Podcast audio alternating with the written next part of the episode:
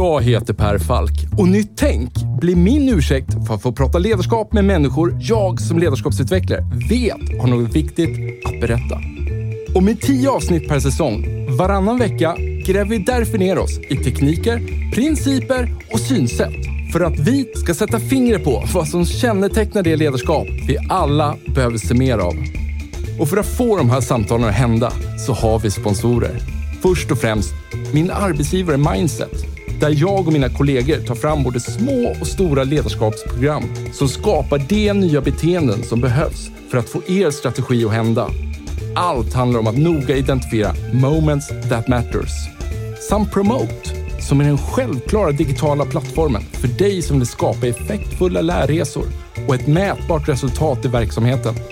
Och om ni vill ge era nya medarbetare en riktigt bra introduktion med en välkomnande och effektfull onboarding så tycker jag ni ska kontakta superproffsiga Induction. Ni hittar såklart länkar i avsnittsbeskrivningen. Nu hoppar vi in i samtalet. Enjoy!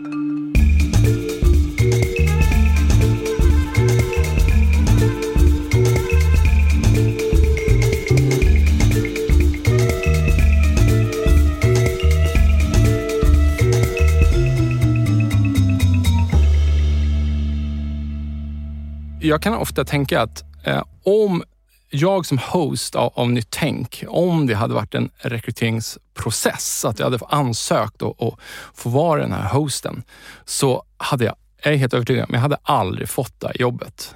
Eh, jag hade inte ens blivit kallad till intervju. Jag hade liksom, från ansökan så hade jag fått en så här standardiserat eh, tack, men nej tack. Tack för visat intresse.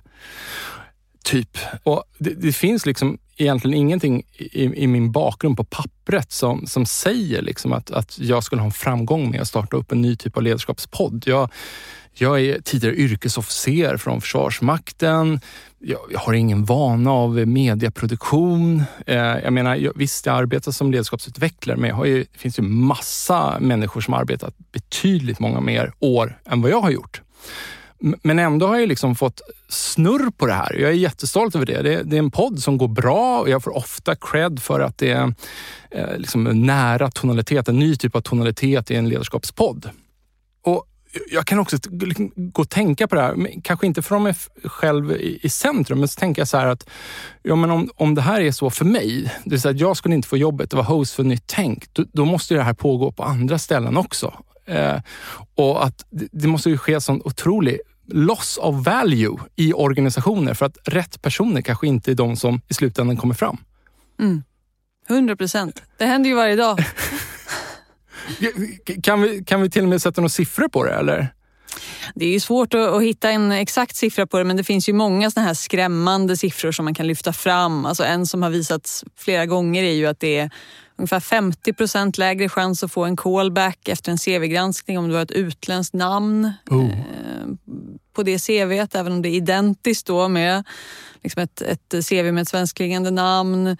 Eh, kvinnor bedöms som mer högriskrekryteringar till ledarroller även fast de har samma meritlista. Eh, bedöms ha lägre framtida potential. Uh, unga som saknar erfarenhet liksom, uh, undervärderas ständigt på arbetsmarknaden i Sverige. Alltså, det finns ju massa såna här liksom, exempel att lyfta fram. En ineffektivitet? En helt. ineffektivitet, helt ja. klart. Vad kan vi göra då? För det innebär ju, om det är en ineffektivitet, i det här fallet då att lyfta fram talang, ett ineffektivitetsproblem, då innebär det ju att vi tappar värde och det innebär ju också då att man borde kunna göra någonting åt det här. Mm. Man borde liksom ägna mer intresse åt det. Mm. Så vad kan man göra? Flera saker ska jag säga. Alltså en av de absolut viktigaste är ju att eh, försöka rensa ut metoder som är väldigt hårt drabbade av bias, diskriminering, eh, stereotyper förstås. Mm. Men en annan jättestor del som driver den här liksom ineffektiviteten på arbetsmarknaden är ju definitionen av kompetens, skulle jag säga. Eh, och att vi fortfarande dras med en väldigt gammaldags definition av vad kompetens är. Ja.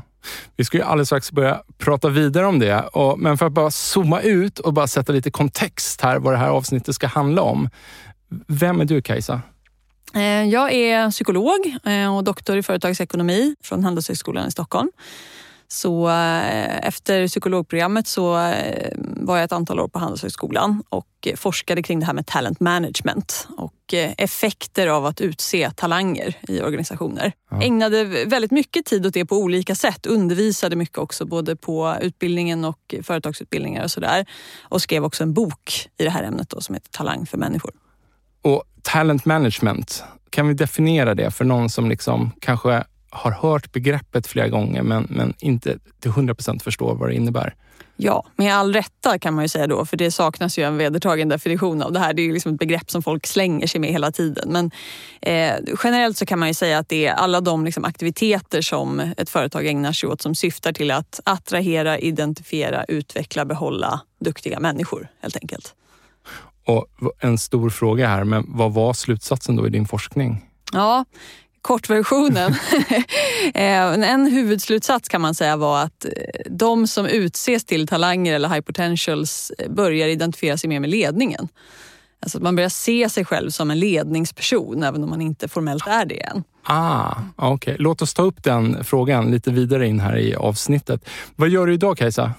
Idag finns jag på en svensk startup, nästan scale-up får man lov att säga nu, som heter Alva Labs där vi utvecklar en plattform för, eh, för rekrytering och urval.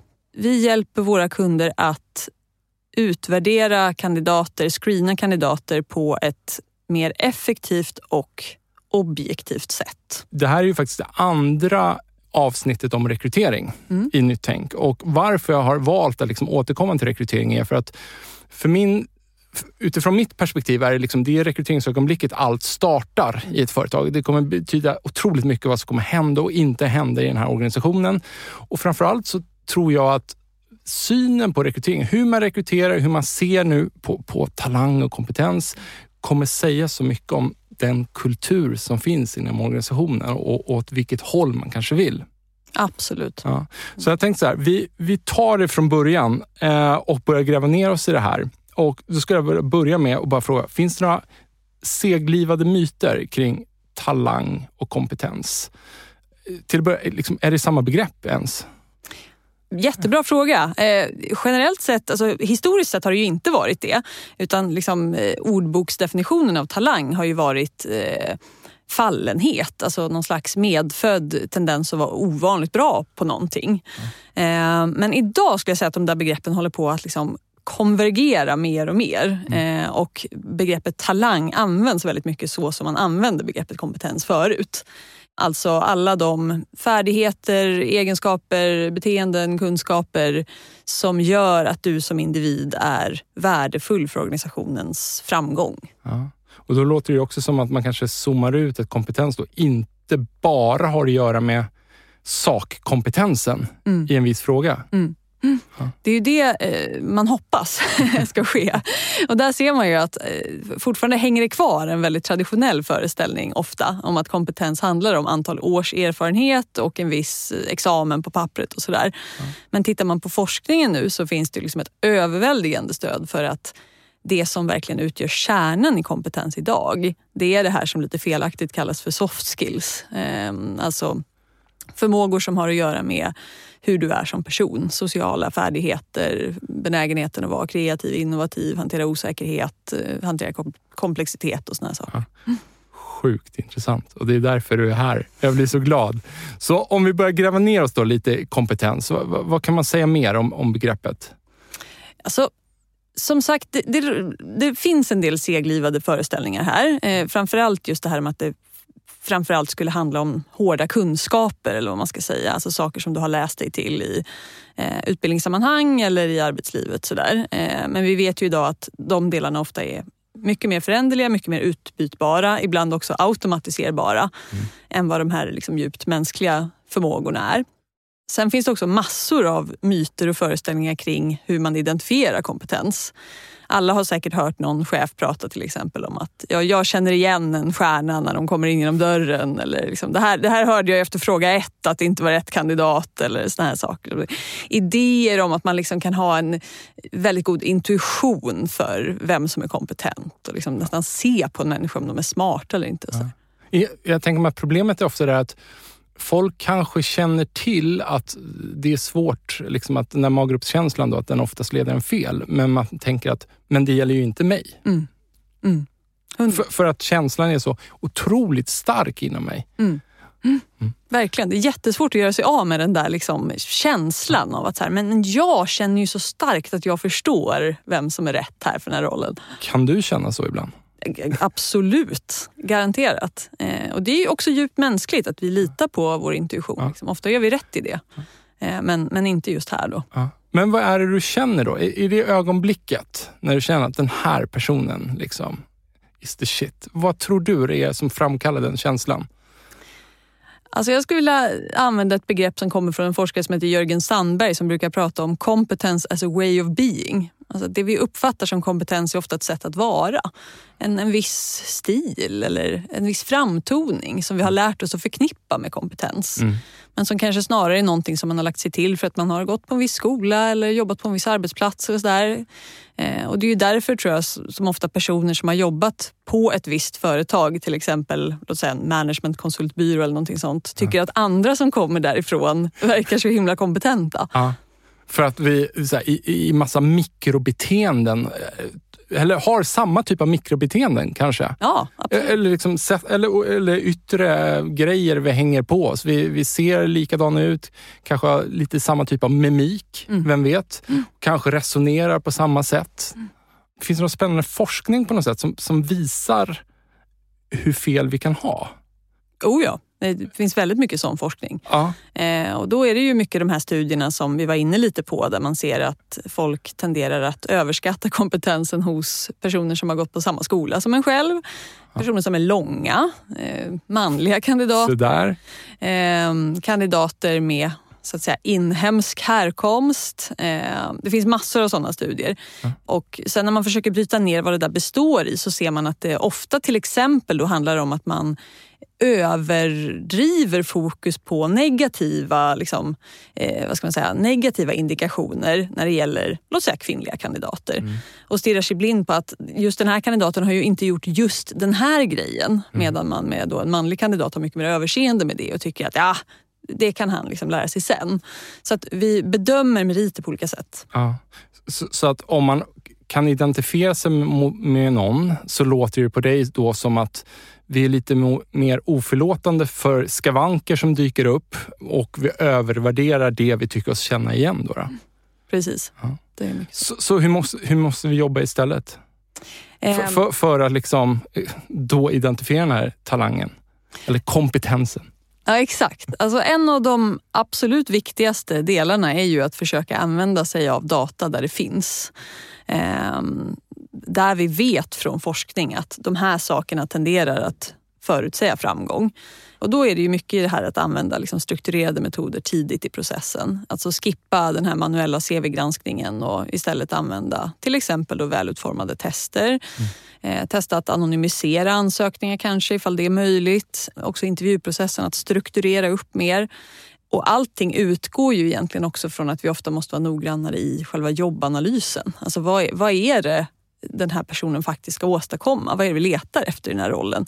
Ofta är man för slarvig där också. Så vilken form av tester fungerar bättre än andra typer av tester? Precis. Alltså det viktigaste är ju att tester ska bygga på en ett, ett, ett, det som man kallar för ett valitt koncept från forskningen. Alltså, ja. Det ska mäta någonting som vi vet har bäring på framtida prestation. Eh, och det tar ofta ganska lång tid att komma fram till sådana koncept. Eh, men de mest liksom, välbelagda som vi har idag då, det är ju logisk förmåga, alltså en slags generell eh, begåvning mm. och eh, personlighet som är två sådana liksom väl, väletablerade koncept. Ja. Och när du säger att det tar lång tid att ta fram, det är för att man måste mäta med någon sorts output mm. i, i slutändan. Då. Ja. Kan det, och, men det här då? Skiljer det mycket mellan olika typer av jobb, potentiella jobb? Vad som är framgångs, drivande framgångsfaktorer i, i då ett begåvningstest eller i en eh, personlighet? Ja, det är en jättebra fråga. Och tittar man på personlighet till exempel så vet man att det finns ju inte en rätt personlighet, tack och lov. Då skulle det bli väldigt tråkigt i arbetslivet. Utan där är det ju olika egenskaper som skapar liksom grundförutsättningar för olika typer av roller. Så du har vissa personlighetsdrag då som är väldigt bra att ha om du ska vara ledare. Det finns andra som är jättebra att ha om du ska vara analytisk. Eh, det finns andra som är jättebra om du ska jobba med eh, ja, nära människor, liksom kanske vårda människor eller sådär. Eh, så där är det olika saker som spelar roll. Men den gemensamma nämnaren är att eh, personlighet och för den delen också logisk förmåga överlag verkar spela roll nästan oavsett roll. Mm. Vad är det vi mäter mer exakt i en personlighet? Är, är det då Big Five ni använder eller Precis, vi, vi använder Big Five som är liksom det, guldstandarden kan man säga för hur, hur man mäter personlighet. Mm. Och det man mäter då kan man säga är ju varaktiga, hyfsat stabila mönster i hur vi tänker, känner, beter oss helt mm. enkelt. Så det är en slags grundläggande tendenser som drar oss i en viss riktning och gör att vi har, liksom, vi har lätt för vissa saker. Finns det någon nackdel med Big Five? Alltså någonting som du känner så här, som psykolog att det här är det bästa vi har hittills, men vi kan inte lyckas liksom, vi kan inte detektera det här eller här, det här leder oss fortfarande fel. Alltså det finns en, en kommunikationsutmaning skulle jag säga mm. i att de här testerna är utformade väldigt mycket liksom från 0 till 10 skalor om du förstår vad jag menar. Att mm. Det blir väldigt lätt att intrycket blir att mer av allting är bättre. Mm. Eh, alltså att det är bättre att ha en tia på extroversion än mm. att ha en tvåa istället för att det blir liksom ett tydligt fokus på fördelarna med båda mm. ändarna. Mm. Och där tror jag att en stor del av framgången ligger hos de här lite mindre välbelagda testerna men som är så populära där ute på marknaden. Att mm. de, de, har lyckats med den här utmaningen att få alla att känna att det finns fördelar med just min personlighet. Mm. För det gör det ju, men det är lite svårare att liksom kommunicera med, med Big Five tycker jag. Mm, mm. Jag tänker så här, vi hade ett avsnitt med eh, Alexander Westerdahl från Spotify och där, så här, ett ord som han använde som jag bara tänkte på i efterhand som kom upp löpande och löpande. Det, det var liksom att han han sa inte så ordagrant, men, men som, som jag förstod det så sa han så här, men vi är inte nödvändigtvis smartare. Vi har bara mer passion. Mm. Kan man, jag vet inte, vad ska vi lägga in i passionbegreppet? Kan ni mäta passion? Ja, bra fråga. Kan man mäta passion? är, det, är det grit? Jag, jag vet att grit är lite ifrågasatt. Mm. Eh, men, men i, i, i brist på bättre ord, Exakt. är det grit han pratar om? Är, är Spotify grittiga? Mm, det, det, är de säkert. um, alltså, jag skulle säga att väldigt ofta när det handlar om de här lite större, bredare egenskaperna så kan man med ett personlighetstest hitta vissa grunddelar i det.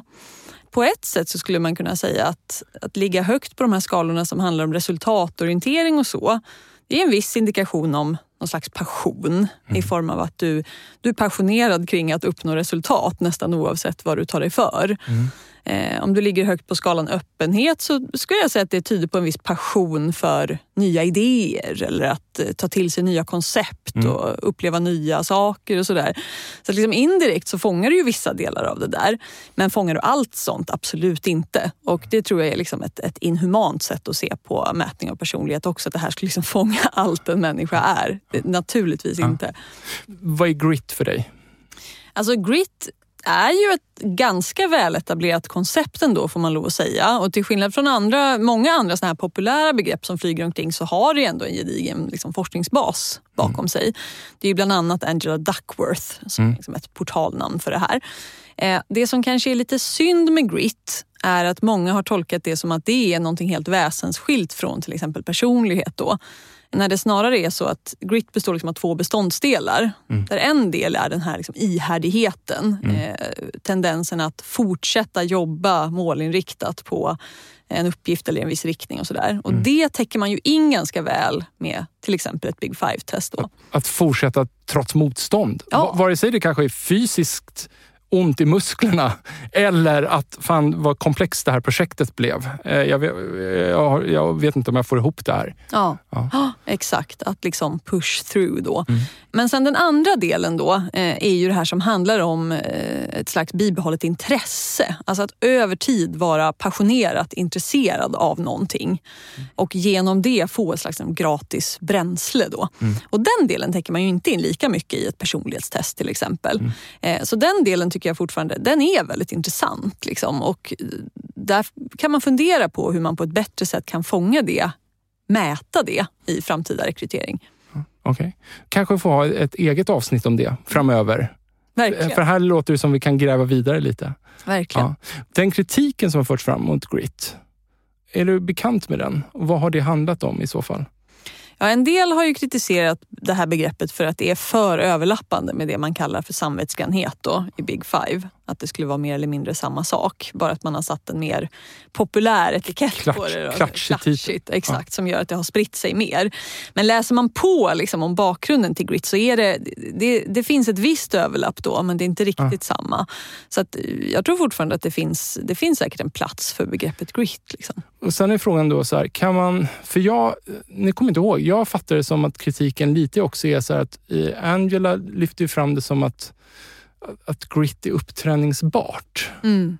Mm. Men att vissa menar att antingen har man grit eller så har man det inte. Mm. Det låter ju hemskt av mig att säga. Nu är jag där delar in i fack också. Ja. Men vad är din respons på det? Um.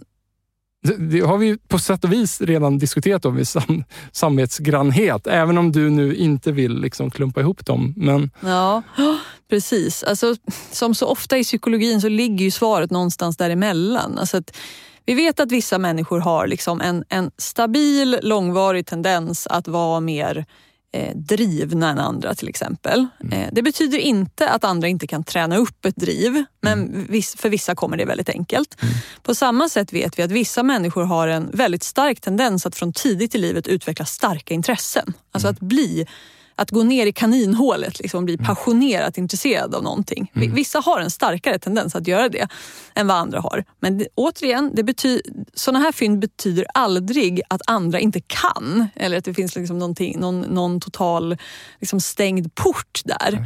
Utan det är tendenser på gruppnivå, att vissa gör det här mer än andra. Ja. Vi får se det som det här med uppförsbackar och nedförsbackar. Ja. Liksom. Det är en, en del av en, en liksom, summa uppförsbackar och, och eh, nedförsbackar. Verkligen, enkelt. Det är en jättebra metafor. en annan bara, crazy fråga jag kastar in här som jag inte kan låta bli att tänka på är att om vi nu i framtiden här börjar bli liksom allt mer, eller liksom kan, kan mäta en personlighet eller begåvning då med, med bättre och bättre precision. Mm. Mm. Finns det någon etisk risk att det blir för perfekt mätning? Mm. mm. Att det verkligen blir liksom ett A och B-lag och att man mäter in dig. Man kanske mäter in dig Kajsa väldigt tidig ålder eh, och man kan då med hög grad prediktera eh, liksom din arbetsprestation framöver. Och att vi i samhället då liksom vid tidig ålder sorteras ut på något sätt. Absolut kan man säkert se att det finns sådana risker. Det finns ju alltid en risk med liksom fundamentalism vad gäller mätning och mm. att tro att saker går att fånga på ett perfekt sätt med mätetal. Särskilt när det gäller människor, absolut. Mm. Um, så att jag tror att man, man tjänar alltid på att liksom, hålla den här typen av mätningar med, med en hyfsat lätt hand. Alltså att man ska vara medveten om vad det mäter och vad det inte mäter. Nej. Men samtidigt så skulle jag också vilja lyfta fram att när det kommer till till exempel rekrytering mm.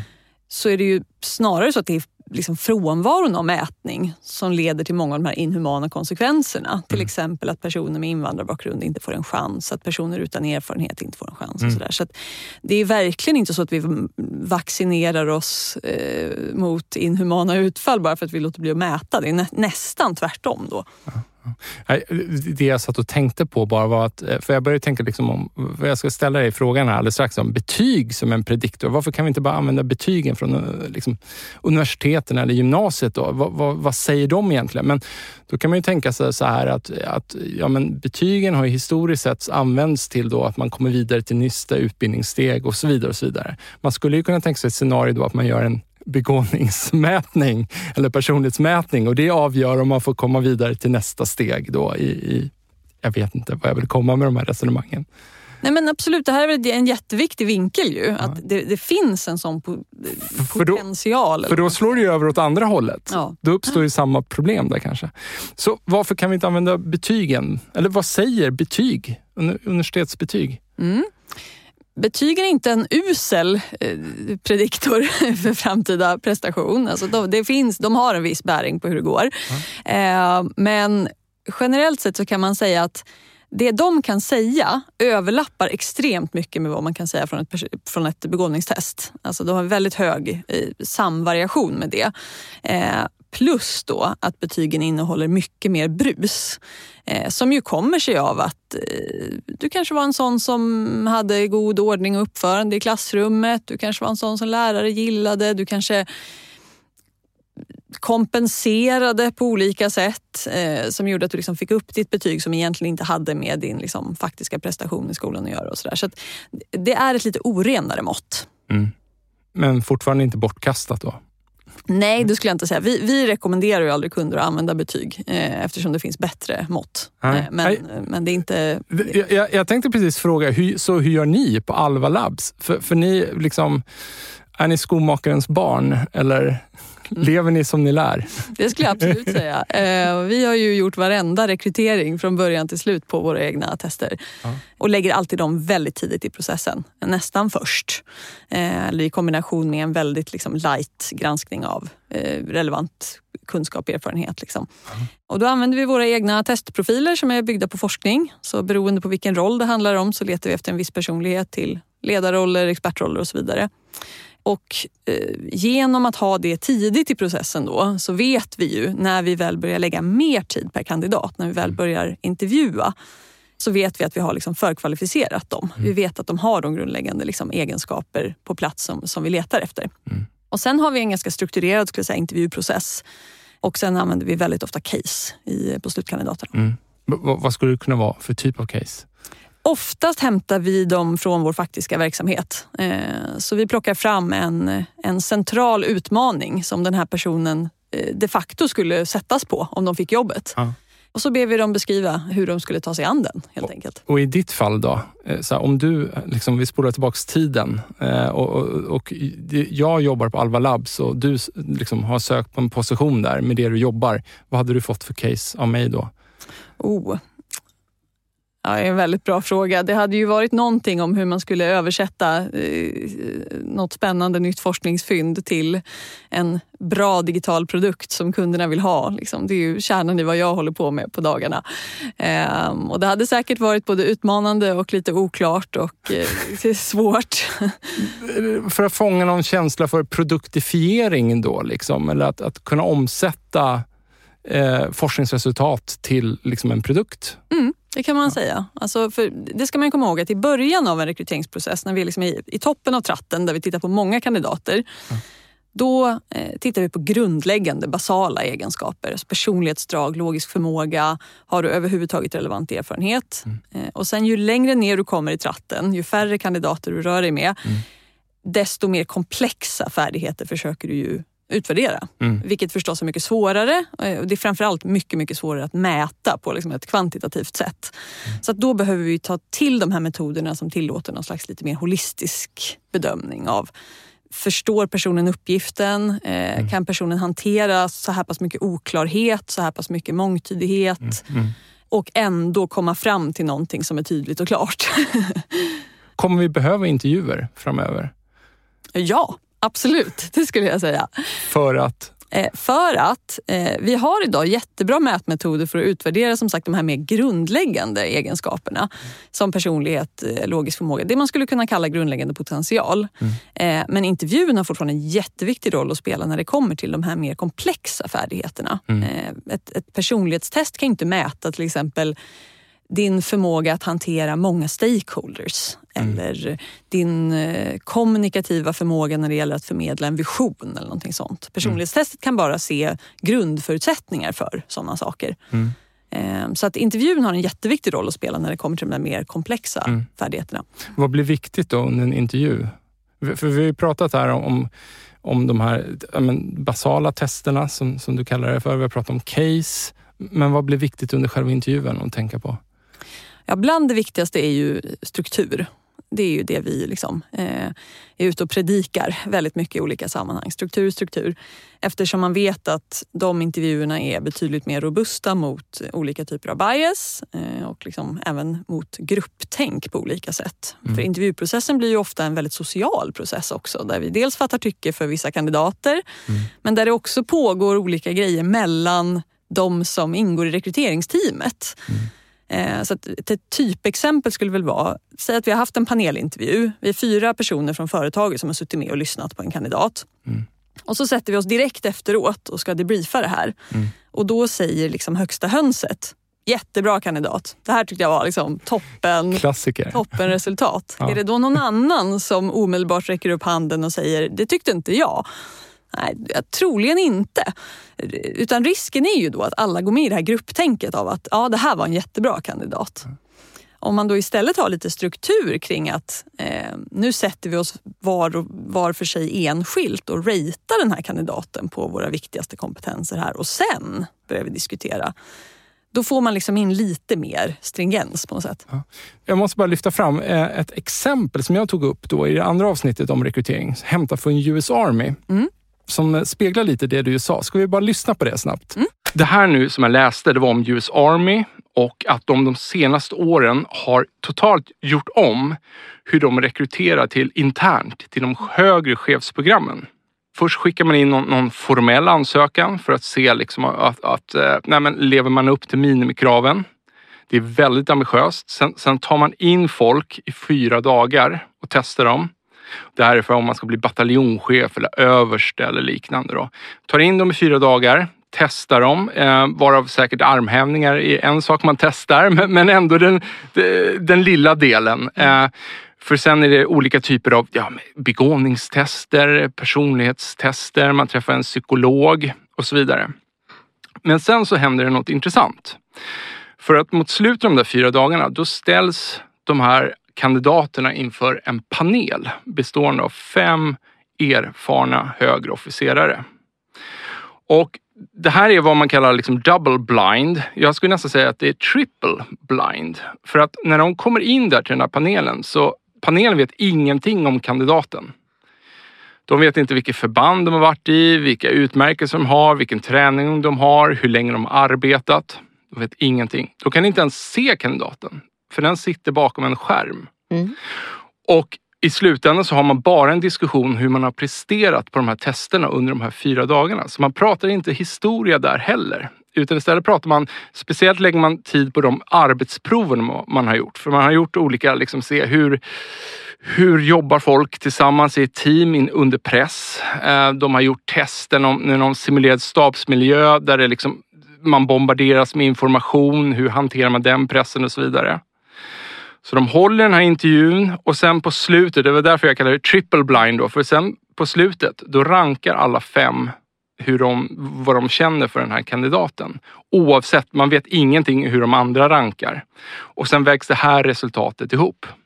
Och det intressanta är då att man märkte att talangpoolen, på något sätt så, jag tror att när man införde det här för några år sedan och började testa, rekryterade man först man gjorde det normala urvalet och sen så gjorde man det på det här annorlunda sättet. Mm. Och då märkte man att talangpoolen förändrades med 34 procent. Mm.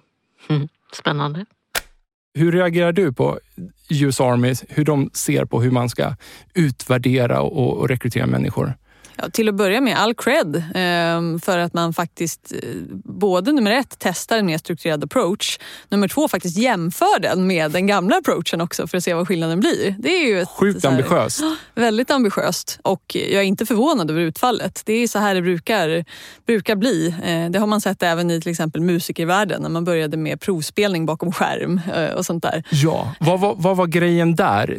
Man satte den som skulle provspela bakom en skärm mm. och då märkte menar att Ja, vad hände egentligen? Ja, alltså det stora liksom, som är mest känt är ju att många fler kvinnliga kandidater fick chansen och faktiskt kom med i de här orkestrarna. Och det fanns ju även såna här liksom pikanta sidoeffekter som att det funkade inte om kandidaterna hade skor på sig för då hörde man vem som kom in i högklackat och sånt där. Exakt, jag har hört det också. Ja. Biasen kryper in där. Liksom. Eh, men det, det Bias genom högklackat. Ja. ja. exakt, exakt. Eh, men det förvånar mig inte alls att man får de här effekterna. vad kommer AI och maskininlärning in i allt det här? Ja, eh, det är ju en väldigt spännande utvecklingslinje som vi ser nu. Vi på Alva tenderar att inte prata så jättemycket om AI just för att vi tycker att det är så himla mycket liksom bass kring det här begreppet nu utan att det alltid finns så jättemycket täckning för det. Eh, utan det vi försöker prata om är ju att liksom digitaliseringen möjliggör ett datadrivet arbetssätt och ett till viss del algoritmdrivet arbetssätt på ett annat sätt än tidigare. Med det sagt ska man säga att vi, vi jobbar inte med några såna här blinda algoritmer där man liksom inte vet vad som kommer ut på andra sidan eller inte vet vilka parametrar det är som premieras. Utan vi baserar fortfarande allting vi gör på sund vetenskaplig forskning och det är vi som så att säga, sitter och, och bestämmer hur det ska vägas in. Men genom att man är en heldigitaliserad plattform så blir det mycket enklare att få kunden att se fördelen med att låta algoritmen göra jobbet. Alltså låta algoritmen ranka kandidaterna mm. och tala om vilka som faktiskt har bäst eh, liksom fit med rollen. Och vad är det den crawlar sig igenom då för data? Vad är det den går på? Jag menar, vi har ju testresultaten då. Mm. Mm. Både från, från eh, case. Fast den blir lite svårare för en AI kanske att bedöma. När du berättar för mig här hur du ska produktifiera en, en forskningsrapport här. Mm. Men, men, vi har ju begåvningstesterna, vi har personlighetstestet. Vad går en AI mer igenom då? då? Precis, där finns det lite olika skolor i hur man väljer att göra. Eh, vissa inom rekryteringsforskningen tycker att man ska gå hela vägen och liksom kvantitativt väga samman alla steg i rekryteringsprocessen så att du liksom får en totalpoäng för hur det har gått på testerna, hur det har gått på granskning av tidigare erfarenhet, hur det har gått på intervjuerna, hur det har gått på case och sen liksom totalsiffra och gå på den. Mm. Vi jobbar ju mer med att det är testresultaten som kvantifieras på det här sättet. Det är det du liksom får en siffra på. Mm. Eh, och Sen väljer du själv om du även vill lägga in intervjuerna i den totalscoren eller om du vill hantera dem liksom mer vid sidan av. För som vi ser det så är liksom den, den, stora, stora vinsten, det som verkligen är liksom, det som verkligen flyttar nålen, det är ju att du börjar använda tester tidigt i processen. Och om du sen väljer att gå vidare med en liksom helkvantifierad process eller om du sen jobbar lite mer holistiskt, det tycker vi kan funka både och kan man säga. Ja. Vad, vad, kommer vi få se om, om tio år från nu? Mm. Så, som du kan liksom börja visualisera eller börja ana eller se, liksom, höra talas om forskning kring? Mm. Mm. Jag tror att vi kommer att få se många fler intressanta liksom, försök att utvärdera såna här soft skills på olika sätt. Alltså som sagt, en del av det täcker vi ju in med ett Big Five-test till exempel. Mm. Vi kan se vem som har tendens att vara väldigt empatisk eller väldigt utåtriktad eller en people person eller sådär. Mm. Men det finns ju också vissa saker som vi inte fångar. Vi var ju lite inne på det tidigare. Eh, som till exempel det här med att läsa av andras uttryck eller förstå andras intentioner eller sådana mm. saker. Och där finns det ju intressanta liksom, försök där ute. Mm. Eh, det finns ett test tror jag som heter Reading the mind in the eye. Mm. Mm. Eh, som handlar om att liksom tolka känslouttryck ja. genom att titta på ögon och sånt där. Så ja. mer sånt spännande kommer säkert dyka upp. Är det inte det som är empati? Det är ju till stor del liksom empati. Ja. Det, är ju en, en, eller det, det, är en del att identifiera andras känslor. Sen har du den delen som mer handlar om att leva dig in i eller förstå andras känslor. Ja, Okej, okay, så du, du separerar de två? Alltså empati är ett ganska brett begrepp, ja. ja. Så liksom hela processen från att eh, identifiera känslor, leva dig in i den känslan, förstå den känslan. Eh, kanske också liksom fida tillbaka till den andra personen att du har sett. Så det är liksom en ganska komplex del. Och vissa av de delarna kan man baka in i det här personlighetsdraget som heter vänlighet. Men vissa delar skulle jag säga kan man nog fånga bättre med andra metoder också. Ja. Och vi vet att det här som du tog upp nu, är det, är det drivande vad, eller vad driver det? Vad säger det? Om jag är duktig på att läsa av andra människor, mm. att jag är duktig att läsa av liksom din mimik, mikromimik i ansiktet, dina ögon och så vidare. Mm. Vad indikerar det i ett arbetslivsperspektiv? Det finns ändå ganska mycket studier som tyder på att det håller på att bli allt viktigare.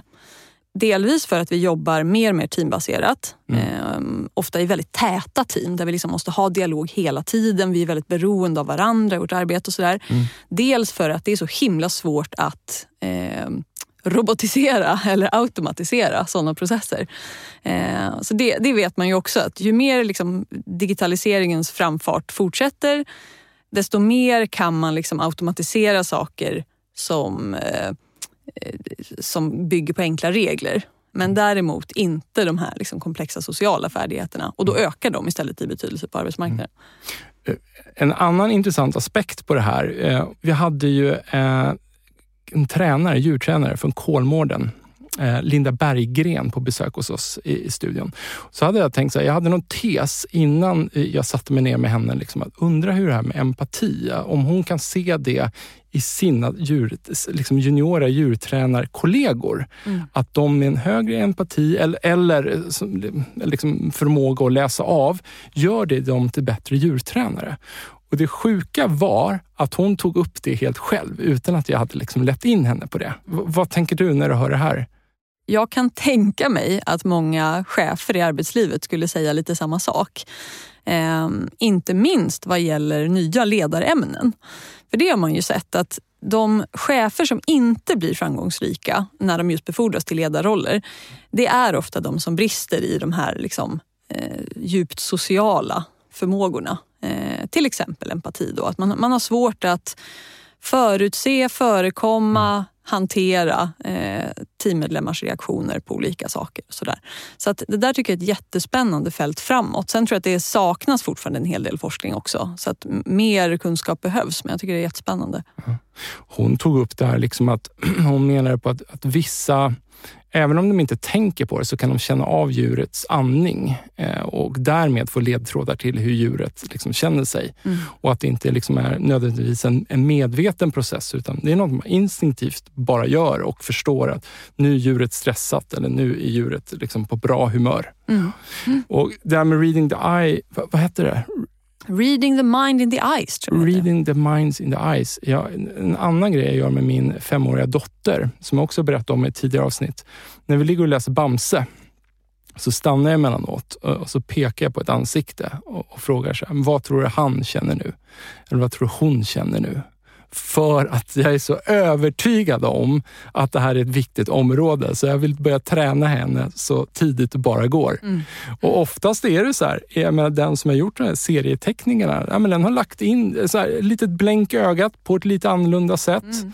Oftast är det så, här, om någon är arg eller ledsen, ja men så här, det brukar vara väldigt enkelt att se. Men om någon är besviken eller lite skamfylld. Mm. Här för en femåring börjar det bli mycket mer komplicerat. Liksom. Men, men, genom lite coachning och lite ledande, öppna, ledande slash öppna frågor så brukar vi kunna lista ut vad den här personen känner. Ja, det där är jätteintressant och det påminner mig lite grann om ett sidospår, verkligen. Men det påminner mig lite grann om det här att man framförallt internationellt nu har börjat prata mycket mer om att personer med bakgrund inom humaniora, alltså personer som har läst konst, litteratur, idéhistoria, såna här saker, verkar lyckas så himla bra i näringslivet. Wow. Eh, och att den bakgrunden verkar vara väldigt värdefull i den här nya eh, liksom eran. Mm. Och det har ju säkert med såna här saker att göra. Att genom att förkovra dig i konst, litteratur, mänsklig kultur, historia liksom, så får du en djupare empatisk förmåga. att utveckla de här liksom, mm. mänskliga förmågorna. Ja. Sjukt spännande. Jag tycker ibland, framförallt från USA, så kan man så stöta på folk som har, man tycker så här, men va? Har den här personen pluggat konstvetenskap och nu arbetar den här personen på den här hedgefondförvaltaren eller liknande. Mm. Förstår du vad jag menar? Ja, verkligen. Ja, och, och jag, bara, så här, jag har bara tänkt flera gånger, så här, varför är det så just i... Det är såklart att den är en duktig finansanalytiker också, men det är de där... Man träffar aldrig på en sån person i Sverige. Precis. Eh, det är ju många som har påpekat att vi har ju mycket mer ett silotänk på det sättet. Eh, vilket kanske har att göra med att vi är ett ingenjörsland, ett teknikland. Eh, så att de utbildningarna har haft väldigt hög status och även de här andra liksom mer fackutbildningarna som handelshögskolorna och sådär som har byggt väldigt mycket på att du ska utbilda dig till det som du sen ska jobba med. Ja. Medan USA har tagit över den engelska traditionen av liberal arts som det kallas. Att du ska börja så brett som möjligt mm. så att du får liksom en bred grund att stå på.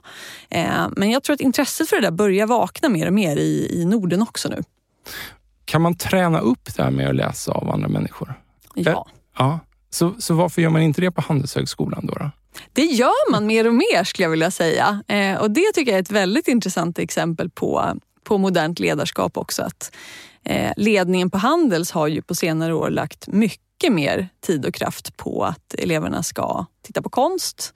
Ja, Eh. det här tror jag jag har hört talas om när, när, faktiskt. När du börjar säga det. Jag, mig, vad, vad heter rektorn på Handelshögskolan? Lars Strannegård. Strandgård. Ja.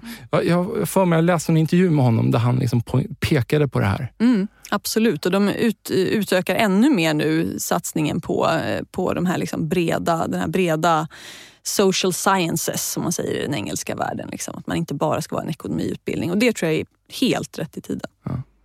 Eh, vad gäller rekrytering av, av ledare, så här, vad ser ni där? Vi, jag menar, vi pratat nu mycket om, förmågan att läsa av andra människor och så vidare. Blir det något annat som blir viktigt där? Mm.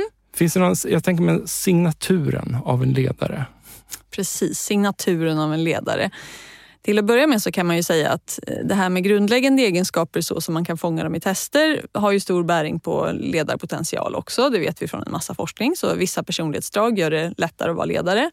Som till exempel då att eh, vara liksom öppen och nyfiken på nya idéer, att vara väldigt resultatorienterad, att kunna hävda sig i den professionella rollen och sådär. Så att eh, där vet vi ganska väl eh, vad det är man ska leta efter.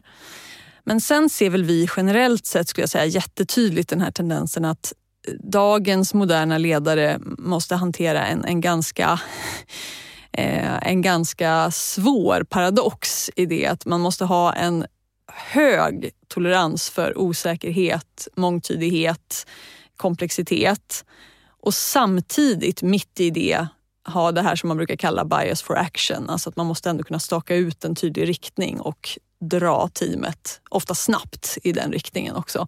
Och den, den paradoxen är, den är ganska liksom, det är svårt eh, att klara av den. Men det blir viktigare och viktigare tror jag. Du nämnde att kunna hävda sig i sin profession. Mm. Vad menar du här? Precis, det är ju det här ordet på engelska som jag verkligen tycker saknar en bra svensk översättning och det är assertive. Ja, ah, okej. Och då, tänker jag mig någon som är inte påstridig, men liksom ändå säker på sin sak. Ja, det kan man säga. Kan man liksom, ja. Det kan man säga. Alltså någon som vågar stå för sin åsikt och hävda den även om andra säger emot. Eh, som inte faller in i att hålla med alla andra om man själv sitter och tycker någonting annat. Som lite grann också i kritiska lägen kan peka med hela handen och säga nej, nu blir det faktiskt så här. Liksom. Eh, och även om dagens ledarskap liksom är väldigt annorlunda mot eh, det liksom, den här mer liksom auktoritära stilen som vi kanske förknippar med den traditionella ledaren. Så Det går liksom inte att komma ifrån att en ledare måste ha det där i sig. Att man, man kan stå upp för sin åsikt, hävda den och också föra igenom den. Liksom. Men om man har hypotesen hypotetiskt har lågt på det, eller, eller högt beroende hur era skalor är liksom, som vi pratade om, hur, hur de nu designade. Men eh, att det kommer inte naturligt för mig att vara assertive. Kan jag, om jag vet om det då? Jag, jag kan inte lära mig att vara det då, eller veta att det här måste jag beakta hos mig själv på något sätt. Jo, det tror jag väldigt många människor kan. Eh, och det tror jag många ledare kan vittna om också. Att det är någonting som man har tränat upp över tid. Eh, så det, det är ingen motsägelse i det tycker jag. Men däremot är det självklart så att det blir lite ytterligare uppförsbacke för den som måste göra det än för den där det här kommer naturligt. Så man kanske skulle kunna säga att man, när ni screenar fram folk, man får inte ha för många uppförsbackar. Men har man en, då kanske man kan hantera det. För att man har väldigt mycket nedför på en annan. Till exempel. Absolut. Det är ett väldigt bra sätt att uttrycka det. Och vad gäller, så här, om vi zoomar ut då, så här, den här ledaren då, och du beskriver signaturen av, av, av den personen då, men vet vi någonting om teamsammansättning och team? Har ni någon data där? Eh, det här var en del av vår kärnprodukt från början. Eh, att eh, jobba med liksom teamsammansättning, teamutveckling utifrån personlighetstest. Mhm. Det har vi gått ifrån helt enkelt för att vi är tvungna att koncentrera oss Attans, på ja. en sak i taget. Men Du vi- kanske har någonting där ändå? Ja, absolut. Jag, jag hann ägna ganska mycket tid åt att liksom sätta mig in i Ja. de frågorna. Och en sak som man kan se jättetydligt i forskningen är att det finns vissa samband mellan eh, vad man har för teamsammansättning i personlighet och hur det teamet mår och hur de presterar. Och Intressant nog så kan man se att på vissa egenskaper är det väldigt gynnsamt att ha spridning och vara olika och komplettera varandra.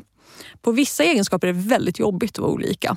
Och en av dem är ju den här eh, som kallas för samvetsgrannhet. Då Mm. som ju handlar om att vara resultatorienterad, flitig, hårt arbetande, noggrann, strukturerad. Liksom det klustret. Mm. Och intressant nog då så verkar det vara spridningen där som påverkar mer än, än liksom genomsnittet. Ja. Så att eh, du kan ta en Ah. grupp där du liksom har fyra personer som är jättesamvetsgranna och så har du en outlier som är mycket mer laid back och liksom, eh, ja, avslappnad inställning till prestation och sådär. Och då uppstår ofta väldigt stora slitningar. Ja. Och det där tror jag många kan känna igen från, om inte arbetslivet, så skolan där man Ja. skulle ha grupparbeten och såna här grejer. Liksom. Ja, ja. Okej, så skulle vi säga att det är den viktigaste faktorn då i ett teams förmåga att bli ett högpresterande team då, att man har en någorlunda lika nivå av samvetsgrannhet? Alltså när det kommer till personlighetsdrag så verkar den vara ganska central. Sen så ska man ju komma ihåg att eh, allting i teamprestation handlar verkligen inte om vad vi har för personlighetssammansättning. Sen har du en massa saker som uppstår på teamnivå mer som handlar om sammanhållning, tillit, eh, engagemang, gemensamma mål, vision och såna här saker. Och det kan ju naturligtvis också väga upp en del. Men faktum kvarstår att har vi väldigt olika uppfattningar sinsemellan om what great looks like. Liksom. Ja. Hur, bra är bra? Hur hårt ska vi jobba? Var ska vi lägga ribban? Då blir det väldigt svårt att ha ett effektivt samarbete. Ja. Då låter det som att i all rekrytering, då, mer eller mindre, så bör man på något sätt mäta samvetsgrannheten.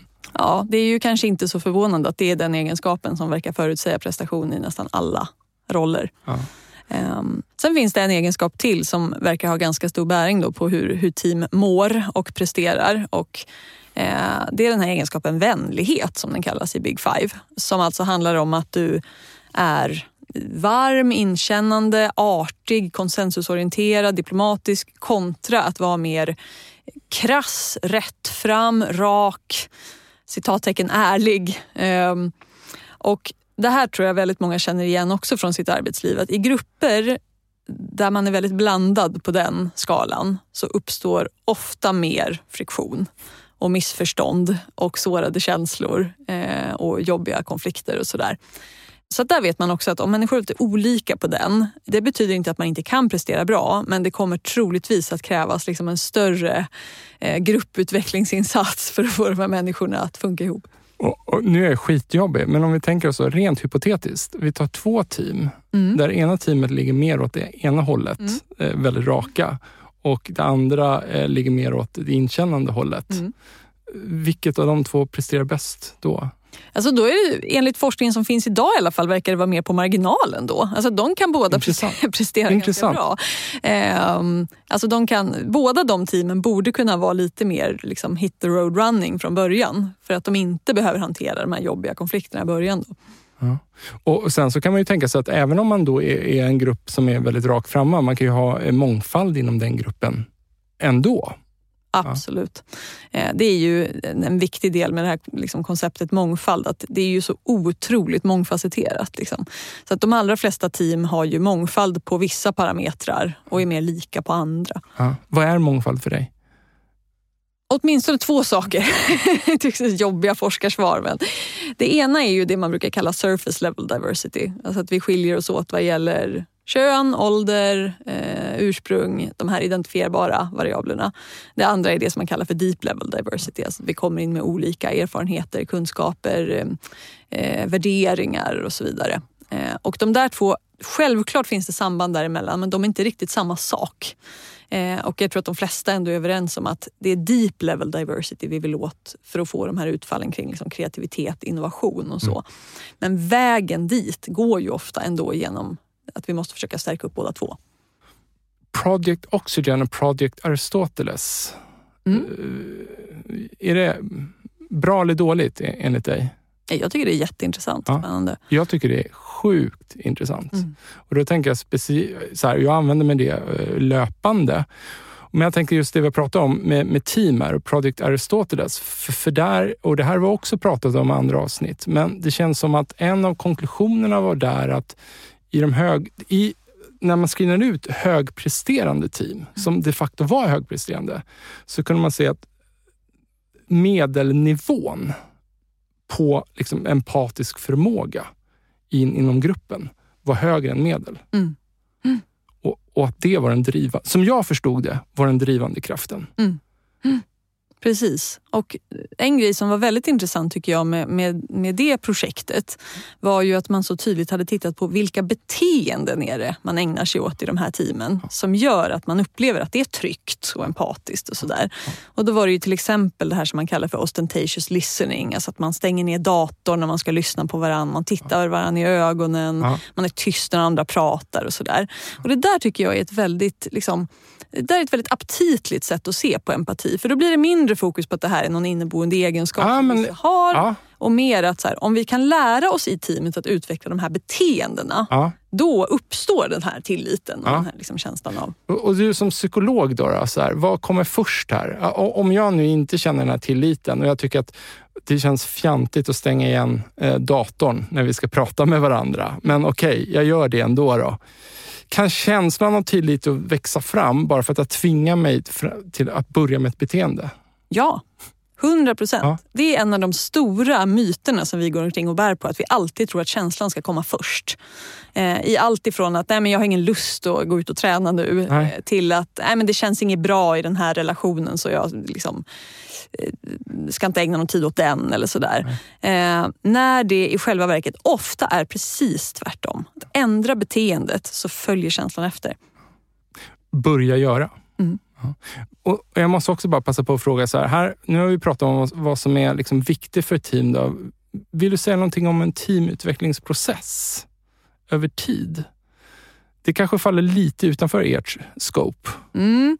Det är ju inte liksom eh, exakt det vi ägnar oss åt men, men ni har säkert varit inne i tidigare avsnitt kan jag tänka mig på det här liksom skiftet som har skett i hur man ser på gruppprocesser.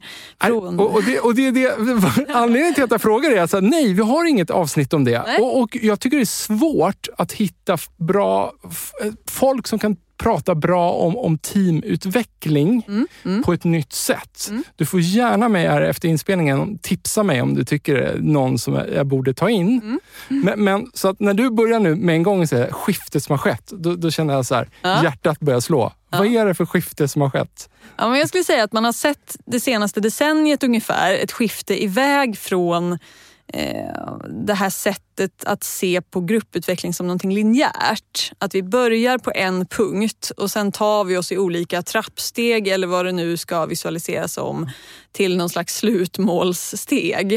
Eh, där man ofta tror jag har liksom tagit inspiration från någon slags dramaturgisk kurva. Att det, det börjar bra och sen blir det jobbigt och konfliktfyllt och, och sen blir det bra igen på slutet. Liksom. Ja. Från det eh, till någonting... Det var en jättebra analogi, ja. som en film. Ja, det är, det är ju lite så. För det där har vi inbyggt i vårt tänkande. Liksom. Alltså, det, så det är lätt att ta till sig. Ja. Så det, det, det är lätt att sälja. Liksom. Eh, till någonting som är eh, mycket mer en slags cirkulär process liksom, eller någonting eh, som passar de här liksom, agila, snabbrörliga organisationerna bättre. Mm. Där man ser att nummer ett, det är väldigt sällan som ett och samma team är stabilt i flera års tid i dagens organisationer. Mm. det funkar liksom inte så att vi sitter i isolerade små molekyler och mm. jobbar ihop och där tar vi olika trappsteg tillsammans. Mm. Utan snarare så har ju Amy Edmondsons där konceptet teaming kommit in väldigt mycket. Att, eh, I olika faser så interagerar vi kortare eller längre tag med olika konstellationer och då måste vi snabbt skapa något slags effektivt samarbete där. Ja. Och Vad säger då teaming? Ja. på ett snabbt sätt. Vad, vad är de grundläggande budskapen då? Hur, hur, hur i den här snabbrörliga miljön då får vi en grupputvecklingsprocess? För den måste ju ändå till på ett eller annat sätt. Ja, verkligen. Det är bara det att den, den behöver snabbspolas eh, och, och vi måste vara öppna för att folk... Liksom, i, I klassiska modeller så är det som ett undantag om någon försvinner Ja. från teamet. Men det är ju det som är skiftet. Att nej, det är inte ett undantag. Du är med i flera team Ja, samtidigt eh, och konstellationerna ändras konstant. exakt. Så vad säger hon om teaming? Alltså en sak som lyfts fram väldigt mycket där är ju att vi måste bli bättre på att snabbt börja kunskapsdela. Alltså snabbt börja upptäcka att vad sitter vi på för information, kunskap, liksom, områdesexpertis här i gruppen. Så att vi snabbt kan börja liksom få hävstången av att eh, allas kompetens kommer in. Och det kräver ju en nyfikenhet, en öppenhet, eh, att vi inte bara sitter och pratar om det vi själva kan eller vet. Och så, där. så det är ju en aspekt. En annan är ju att vi måste bli mycket, mycket mer flexibla vad gäller vilken roll vi tar i en grupp. Eh, så att det, det duger liksom inte längre att sitta och säga att jag är blå och därför kan jag bara liksom ta på mig blåa arbetsuppgifter. Utan i den här konstellationen så kanske jag är analytikern. Men när jag jobbar med de här tre, ja, då måste jag vara pådrivaren istället. Liksom. Så att mycket högre krav på flexibilitet också. Ja. Så att egentligen man behöver någon form av process då, så man, man, man lär sig vara en, en bra gruppmedlem. Mm. Eh, och sen så tar man med sig den, eh, liksom, hur man är en bra gruppmedlem in i, i de olika konstellationerna man befinner sig i. Då. Ja, Ja. väldigt mycket så. Du, eh, vi hoppar vidare kanske vi kan säga. Jag tänker också så här, eh, om ni rekryterar en kandidat till en organisation eh, och den här organisationen, den kanske har en väldigt distinkt kultur. Är det en del av rekryteringen? Att på något sätt, jag vet inte, ta höjd för den här kulturen? Vad- På vilket sätt blir kulturen som den här personen kommer hamna i, blir det en variabel i rekryteringsprocessen eller inte? Alltså både och skulle jag säga. Ehm, jag tenderar nog att ansluta mig rätt mycket till den här liksom, eh, falangen som tycker att begreppet culture fit är lite farligt. Eftersom det tenderar att bli en slags omskrivning för lika oss andra. Eh, både vad gäller den här sociala stilen som vi var inne på tidigare. Att, att passa i kulturen innebär att man har samma sociala stil som, som andra här. Ehm, Och då blir det väldigt likriktat Då blir med en gång. då blir det väldigt likriktat. Och Eh, liten talangpool. Ja, verkligen. verkligen. Då, då hamnar man lätt i det där att vi kan bara rekrytera folk som har gått på Handels och jobbat på investmentbank i London eh, till exempel. Ehm, så att, eh, där tycker jag att det är lite farligt. Däremot om man kan specificera vilka typer av liksom, beteenden, föreställningar, värderingar, det vi menar när vi säger att man måste passa i den här kulturen, då kan det ju vara relevant. Alltså jag kan ju se hos oss till exempel att eh, det skulle vara väldigt problematiskt att rekrytera någon som tycker att det är jätteviktigt med titlar och statushierarkier och eh, tydliga karriärstegar. Liksom, Ja. För att så ser det inte riktigt ut i en startup. Och då är det en, en relevant liksom, kulturaspekt att väga in. Och så länge den är definierad och tydlig så, så går ju det bra. Men det är det där fluffiga liksom, som, som jag tror kan bli lite farligt. Du, och, och sen så, nu har vi pratat mycket om rekrytering. Om vi bara vänder lite, vi tänker oss en stor organisation. Jag menar, man rekryterar ju internt också. Men allt det vi har pratat om, så om man vill få talang och kompetens. Jag säger, ska jag säga talang eller kompetens, tycker du? Ska jag säga kompetens istället? Får välja vilket, det beror på hur traditionell du är. Ja, men det låter ju som du tycker att vi ska prata kompetens och istället lägga in mer eh, än vad som brukligt är då i kompetensbegreppet. Det var väl där vi började. Ja, jag t- tenderar nog att eh, falla över åt den sidan. Och, lite, ja. och om vi ska då få kompetens att stiga mot ytan, vad, blir då viktigt för stora organisationer att, tänka på? Mm. Jag tror att en av de stora delarna handlar ju om att öka transparensen och eh, liksom inklusiviteten i de här processerna. Det gäller inte minst talangprogram och high potential-program och sånt där. Eh, där ju jag såg en jättetydlig rörelse bara under de fyra, fem åren jag var på Handels. Från att det här var väldigt mycket hysch-hysch och få en knack på axeln om du var liksom relevant för att komma med här. Mm. Till att man börjar annonsera de här sakerna internt och säger alla som vill får söka. Ja. Tror du att du är en av våra liksom, top talents? Välkommen in med din ansökan. Liksom. Det tror jag är en jätteviktig rörelse. Ja. Men det där, det där tycker jag kan höra fortfarande. Den där hysch-hysch-mentaliteten mm. mm. ute i organisationen. Vad är drivkraften för det? Det är enkelt. Ehm, det konserverar ganska mycket chefernas makt eftersom eh, det då faller på dem att välja vilka ja. som är kronprins och kronprinsessa och sådär. Ja. Ofta är man också rädd för att det ska vara kontroversiellt internt. Om det kommer ut att vi har ett talangprogram och vissa ska utses till talanger och sådär. Då tänker man att det ska skapa eh, negativa känslor och oreda och sådär. Vilket det ju gör ändå, för de här sakerna kommer alltid ut ändå. Eh, men men det, det finns liksom en maktaspekt också som gör att det där lever kvar på vissa håll jag tänker mig, kan det inte vara mer primitivt än, än så? Det vill säga att om jag nu kommer att viska till dig och, och, och eh, så här, nej men så här, vi, vi ser dig som en talang här, så, här, eh, så du kommer gå in i det här programmet. Du hör jag prata lite lägre här. Mm. Alltså någonstans att det får mig att, då känner jag mig duktig också. Mm. Mm. Som din chef eller vad jag nu än är. Mm. Att, att, det menar att om det här är lite hemligt mellan oss, det betyder det att jag är en sån här talang också. Det finns något förtroendeskapande i det där. Ja, och att det utsöndrar någon sin kraftig signalsubstans på något sätt. Jag vet. Säkert, ja. det tror jag. Verkligen. Det är ju mycket så vi bygger relationer mellan människor, dela hemligheter. Ja, men li, li, så här, jag tänker så här att man tänker att nej, men så primitivt drivna är väl inte, men jag tror att det är mycket mer närvarande än vad vi är medvetna mm. om. Du har faktiskt blivit omnämnd i den här podden tidigare mm. av Linus Jonkman. Mm. Ja, och han tog upp din syn på talangprogram. Mm. Och Jag tänkte att du skulle få en chans med egna ord också. Be beskriva talangprogram, bra eller dåligt? Eh, kan vara bra, kan också innebära stor risk, forskarsvar. Eh, men så här kan man väl säga. Det finns en effekt som slår igenom i, i princip alla studier som har gjorts av vad som händer med människor som utses till talangprogram. Och det är att de får högre förväntningar på organisationen. Alltså att när du utses till talang så får du en annan bild av att nu blir det lite snitslad bana här. Nu kommer jag få en massa resurser tilldelade. Jag kommer få snabbare karriärutveckling. Jag kommer att få stöd och hjälp på vägen.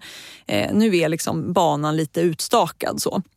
Mm. Eh, och kan man som organisation liksom leva upp till det där så kan man få en hel del liksom positiva hävstångseffekter i form av att folk då betraktar ribban som höjd och faktiskt jobbar lite hårdare och springer lite fortare. Och sådär. Men om man inte gör det eh, så finns det en väldigt stor risk för att man istället då upplever det här som ett slags kontraktsbrott Eh, och blir väldigt besviken som talang. Och då finns ju istället risken att man slutar då. Och tyvärr så lever den föreställning mycket ute bland företagen om att bara själva stämpeln talang, att du har fått den här liksom, eh, brickan på dig, det ska i sig vara nog. Då borde du känna tacksamhet. Liksom. Men det gör inte människor utan folk ser det som en utfästelse om mer. Så att ska man jobba med talangprogram så gäller det att man inser att då är det ganska mycket att leva upp till sen också. Ja. Du, du var inne någonstans i, i början här på samtalet också om att man såg sig själva som, som en del av ledningen. Mm. Var det något resonemang du vill lyfta in i det här också? Eller? Mm. Det är också en sån här, till viss del tror jag, eh, oförutsedd konsekvens av talangprogram som eh, chefer och ledare inte alltid är medvetna om. Att den som får den här talangstämpeln börjar se sig själv lite mer som en ledare. Eh, på så sätt att eh, man tycker inte att det är lika motiverande längre att bara hålla på med eh, det operativa, liksom the daily grind. Man vill sitta med vid bordet när viktiga beslut ska fattas. Man vill vara en del av strategiska diskussioner. Man vill ha chefernas öra. Eh, man vill ha mer av ett slags liksom ledarskapsansvar. Och det är ju inte alltid som det ingår i ett talangprogram heller. Liksom skulle till och med kunna göra att det förändrar hur jag börjar bete mig mot min omgivning också? Det kan det göra. Eh, på gott och ont ska sägas. Alltså, å ena sidan så kan man ju tänka sig den här liksom stereotypen av en småpåve då som börjar bete sig lite, lite chefaktigt mot sina eh, egentligen kollegor. Eh, men det finns också en väldigt positiv aspekt av det där i vissa lägen och det är ju att man blir en slags ambassadör för ledningens tänk. För det vet ju alla som har suttit i en ledarposition att en stor del av utmaningen är att förmedla en riktning, eh, prioriteringar och sådär till resten av organisationen. Och där kan man ha ganska god hjälp av att ha de här talangerna då som, som är lite så här luftlandsatta ute i organisationen och hjälper till att prata om att vet ni, det här är det vi ska satsa på kommande år. Ett traineeprogram, är det att likställa med ett talangprogram?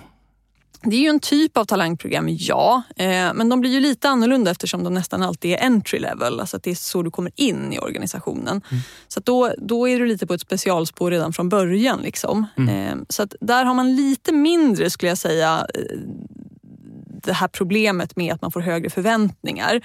Mm. Men man har samma problem när folk ska göra transitionen ut ur programmet till en roll som liksom, citattecken vanlig anställd. Mm. Att det då är risk att man känner sig lite mindre sedd, lite mindre uppvaktad och sådär. Du Kajsa, jag tänkte att vi ska avsluta det här. Eh, om man vill ta kontakt med dig, hur gör man då? Och varför vill man ta kontakt med dig i så fall? Ja, man kan ju ta kontakt med mig om man eh, är intresserad av Alva Labs förstås och vad vi har att erbjuda. Eh, men det kan ju också gälla eh, talaruppdrag och sådana saker som jag gör en del. Eller om man bara är nyfiken på att diskutera organisationspsykologi. Jag är ju supernörd. Så det är man välkommen att göra. Och då är det enklast att mejla på kajsa.alvalabs.io. Ja, sjukt bra samtal Kajsa. Tack för att du kom förbi. Tack så mycket för att jag fick komma. Hörni, tack till våra sponsorer Mindset, Promote samt Induction för att ni tror på den här produktionen. Ta hand om er.